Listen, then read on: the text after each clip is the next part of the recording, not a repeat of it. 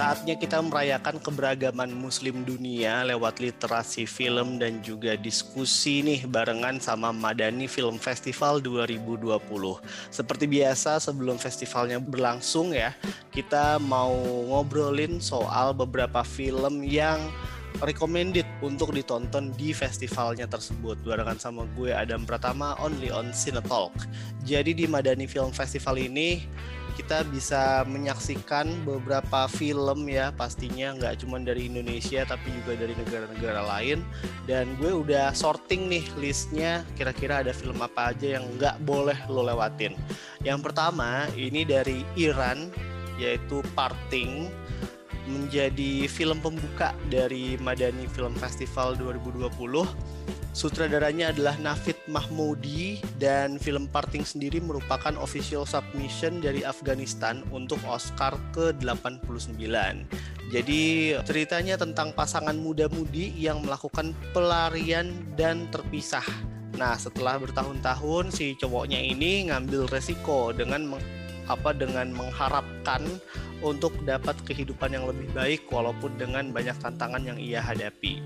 Jadi parting ini yang gue cari ya di internet ternyata filmnya tuh mendapatkan reception yang bagus.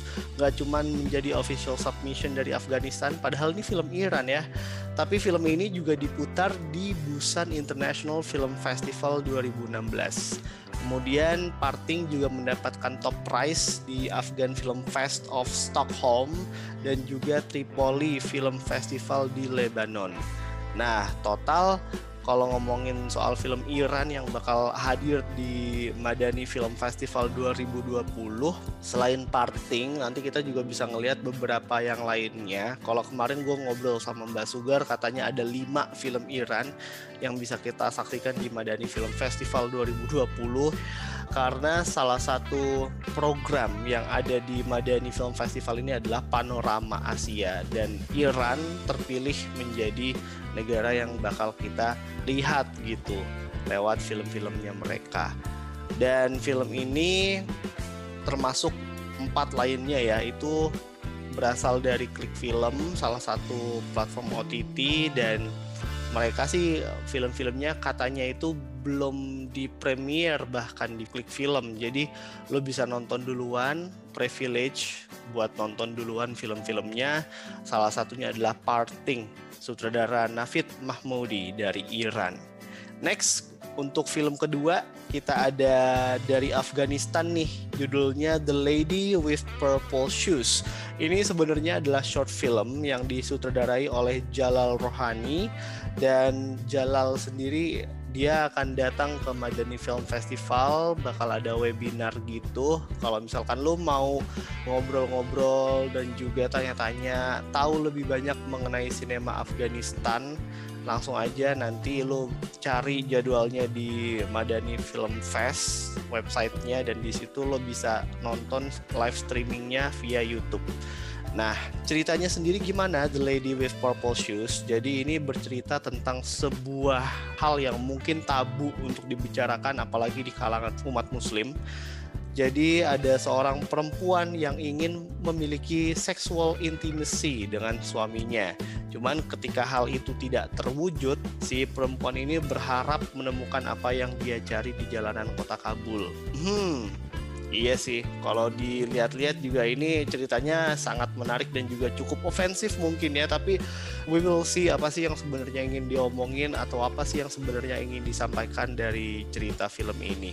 Kemudian Lady with Purple Shoes juga sangat berarti untuk sutradaranya karena seperti yang kita tahu, film-film Afghanistan ini ini karena negaranya juga sih sebenarnya jadi film-film Afghanistan ini dibuat dalam circumstances yang sangat sulit guys.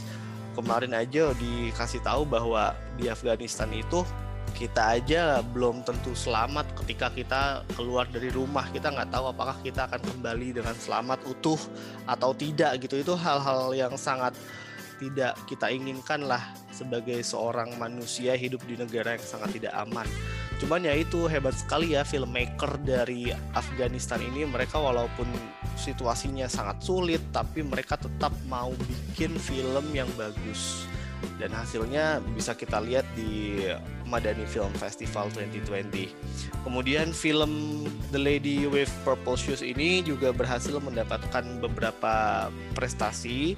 Filmnya sukses menjadi nomini Best Actress untuk Alexa Bankert di Alternative Film Festival Toronto. Kemudian juga menjadi official selection di The Sama Film Festival 2019 di Stockholm, Swedia. Dan yang terakhir baru gue aja dapet nih ada official selection Sixth Herat International Women's Film Festival 2020. Ini beritanya baru masuk di tanggal 13 November. Jadi masih cukup fresh lah untuk lo saksikan seperti apa sih perjalanan si perempuan ini, apa yang sebenarnya dia cari gitu kah apakah memang benar seksual intimacy atau more than that dan bagaimana society itu menerimanya kita bakal saksikan di festivalnya nanti. Kemudian yang ketiga, ini masih filmnya Syed Jalal Rohani sih, tapi dia di sini sebagai produser. Disutradarai oleh Masud Soheli, kita bisa nonton film Afghanistan berikutnya yaitu Elephant Bird. Jadi film ini adalah sebuah road movie sebenarnya kalau gue lihat-lihat dari trailernya ya, yang mana merangkum potret tentang salah satu bagian dari kondisi negara karena di sini juga katanya kalau kita berpergian di Afghanistan gitu di negara yang sedang tidak aman itu juga kan pasti beresiko tinggi. Nah hal ini coba dibahas secara fun oleh Masud Soheli di film Eleven Bird. Kemudian ceritanya sendiri ini tentang sebuah minibus yang lagi melintasi pegunungan dan pergi ke Kabul. Nah, tiap orang yang ada di dalam minibus ini pasti punya tujuan masing-masing dong. Termasuk seorang laki-laki tua yang mau memberikan seekor ayam kalkun kepada cucunya sebagai keinginan terakhir dia sebelum meninggal. Nah, karena jalan utamanya tuh diblokir sama pemberontak, maka minibus ini mencari jalan alternatif yang mana nggak terlalu aman juga untuk dilewati. Nah, di sini sutradara Masud beranggapan bahwa dengan cara komedi lah kita bisa ngomongin masalah serius karena mudah bagi orang-orang mencerna dan menerima sesuatu ketika dijadikan sebuah guyon. Nah, ini buat lu yang penasaran kayak gimana Afghanistan itu ditampilkan mungkin kalau tadi yang Lady in the Purple Shoes itu lebih ke arah city life terus juga society di kota lah. Mungkin yang Eleven Bird ini dia lebih ke ruralnya kali ya pinggiran-pinggirannya terus juga daerah-daerah yang mungkin ekstrim tapi ya tadi gue bilang walaupun mereka ekstrim cuman ditampilinnya dengan cara yang ringan seperti itu. Nah masuk ke film keempat jadi di Madani Film Festival itu ada section namanya Classic Film dikurasi oleh Mbak Lisa Bonarahman. Tahun ini mereka akan membawa dua film. Nah, film pertamanya kita bahas dulu ya. Film pertama adalah Syaihu Umar dari Nigeria tahun 1976 atau bisa dikatakan sebagai pre-Nollywood. Nah, Nollywood itu apa? Kalau yang gue tangkep sih Nollywood itu adalah sebutan bagi industri perfilman di Nigeria. Istilahnya ya diambil dari kata Hollywood, cuman diganti sedikit hanya jadi N gitu untuk identitas. Sebenarnya juga kalau ngomongin soal istilah-istilah kayak gini, di Afrika sendiri selain Nollywood ada juga kan kita tahu Wakaliwood itu yang punya Uganda gitu. Jadi hal-hal seperti ini sebenarnya udah udah lazim ada. Nah, sutradara untuk Saihu Umar adalah Adamu Halilu. Jadi, sutradaranya ini akan mengangkat sebuah kisah yang berlatar di Nigeria bagian utara menjelang akhir abad ke-19. Saihu Umar dimulai dengan sebuah diskusi antara siswa Islam dan guru mereka yang terkenal bijak, yaitu Syekh Umar. Nah, seketika si Syekh itu ditanya tentang asal-usulnya, Syekh Umar mulai menceritakan kisahnya dia Ia berasal dari latar belakang yang sederhana dan terpisah dari ibunya setelah ayahnya meninggal dan ayah tirinya itu dibuang guys. Cobaan dan kesengsaraan yang dialami selanjutnya adalah perbudakan dan dia menjalani sejumlah ujian sampai akhirnya menjadi anak angkat dari guru bahasa Arab namanya Abdul Karim. Nah, Syekhu Umar ini dia bersekolah di sekolah Al-Quran, kemudian diangkat menjadi imam setelah mencapai usia dewasa. Setelah mendapatkan sebuah mimpi nih, Syekh Umar memutuskan untuk mencari ibunya. Itu ceritanya ya.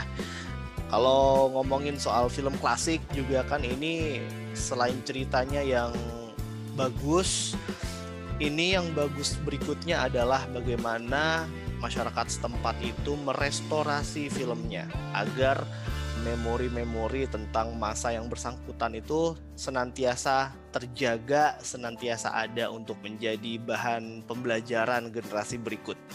Nah, film ini kalau ngomongin soal restorasi dan juga source materialnya, si Syekhu Umar didasarkan pada sebuah novel tahun 1955 karya Abu Bakar Tafawa Balewa yang merupakan Prime Minister Nigeria tahun 57 sampai 66. Kemudian film awalnya tuh diyakini sudah hilang, tapi akhirnya negatif dan salinannya ditemukan pada 2016 dan di 2017 itu udah mulai proses restorasinya. Kemudian Syekhu Umar juga dianggap secara luas sebagai karya sastra pertama dalam bahasa Hausa Kemudian film ini juga menempatkan Islam sebagai kekuatan yang jinak dengan partisipasinya dalam perbudakan insidental. Itu kalau yang gue baca di arsenalberlin.de. Itu jadi kalau misalkan lu mau nonton film-film klasik, ya jangankan film film Afrika yang sekarang-sekarang deh itu kan jarang banget kita dapet ya, apalagi di bioskop gitu. Nah ini film Nigeria yang legend dan bisa kita tonton secara gratis di Madani Film Festival. Jadi langsung aja nanti lo catat tanggalnya kapan nih film diputar, terus lo tonton deh filmnya. Nah, beranjak film kelima atau terakhir di list kita pada pertemuan hari ini adalah Butterfly and Flowers ini adalah film yang disutradarai oleh Eutana Mukdasanit dan salah satu film Thailand ya yang berhasil diputar mendapatkan sambutan juga dari luar Thailand. Film ini rilis tahun 85 dan bersetting di komunitas mayoritas muslim ya di Thailand Selatan. Kemudian untuk sinopsisnya Butterfly and Flower atau Piswa Laidok Mai menyoroti kesulitan yang dihadapi oleh seorang laki-laki yang bekerja menjual es loli di stasiun kereta api setempat. Kemudian dipaksa oleh keadaan ekonomi, dia terpaksa menyelundupkan beras melintasi perbatasan Thailand Malaysia. Selain memperlihatkan penonton Thailand kepada kemiskinan regional, film tahun 85 ini juga membuka terobosan baru dengan menggambarkan romansa antara dua suku bangsa atau dua kebudayaan yang ada di Thailand membuat orang-orang atau publik Thailand tuh senang sama filmnya saat meraih penghargaan film terbaik di Festival Film East West 1986 di Honolulu, Hawaii. Dan ini kalau ngomongin soal film Butterfly and Flowers sebenarnya influence-nya mereka untuk negara Thailand dan juga untuk masyarakat Thailand cukup besar juga sih kalau gue lihat-lihat ya. Karena film diangkat dari sebuah novel yang menurut Festival International de Cinema de IC adalah novel yang menjadi compulsory reading bagi anak-anak sekolah yang ada di sana Kemudian film Butterfly and Flower sendiri merupakan salah satu film Thailand terbaik yang pernah dibuat. Ini ditulis oleh website yang tadi gue sebut ya. Kemudian seperti yang tadi gue udah bilang, selain mengekspos kemiskinan regional, Butterfly and Flowers juga berani untuk breakthrough dengan menggambarkan romansa antara Buddha dan juga Muslim. Nah ini kalau dilihat-lihat kan mungkin apa yang ingin menjadi bahan perbincangan oleh Butterfly and Flowers adalah bagaimana sebuah film itu menjadi medium. Bukan hanya secara gamblang menceritakan romans ya enggak. Tapi sebagai apa ya kalau gue lihat itu medium untuk menyampaikan pesan perdamaian dengan cara seperti yang tadi gue sebut seperti yang tadi udah gue ceritain ya. Ada si cowok lagi jualan loli terus ketemu segala macem. Nah itu deh pokoknya. Lu kalau misalkan mau nonton film-filmnya ini menarik-menarik juga ya. Gampang sih kalau menurut gue ada tiga platform yang bisa lo manfaatkan untuk nonton film-film ini. Yang pertama ada klik film kemudian quickku.com habis itu juga untuk film pendeknya lu bisa tonton di Fitsi dan kalau misalkan lo mau ikutan film talk sama filmmaker yang hadir di Madani Film Festival bisa langsung ke YouTube channelnya Dewan Kesenian Jakarta atau YouTube channelnya Madani Film Festival karena di situ akan diselenggarakan atau disiarkan secara live. Itu Chillers ya, 5 film yang nggak boleh lu lewatin di Madani Film Festival tahun ini. Semoga kita bisa punya waktu ya untuk nonton film-filmnya karena menurut gue again kalau ngomongin soal Madani it's all about their hard work untuk mewujudkan sebuah inklusivitas dari hal yang dianggap eksklusif oleh banyak masyarakat. Itu. Dan semoga aja nanti festivalnya berjalan lancar dan catat nih festivalnya itu dimulai dari tanggal 20 November sampai tanggal 4 Desember 2020. Thank you banget buat chillers yang udah dengerin dari beberapa menit ke belakang. Kita ketemu lagi di episode Cinetalk berikutnya. Bye.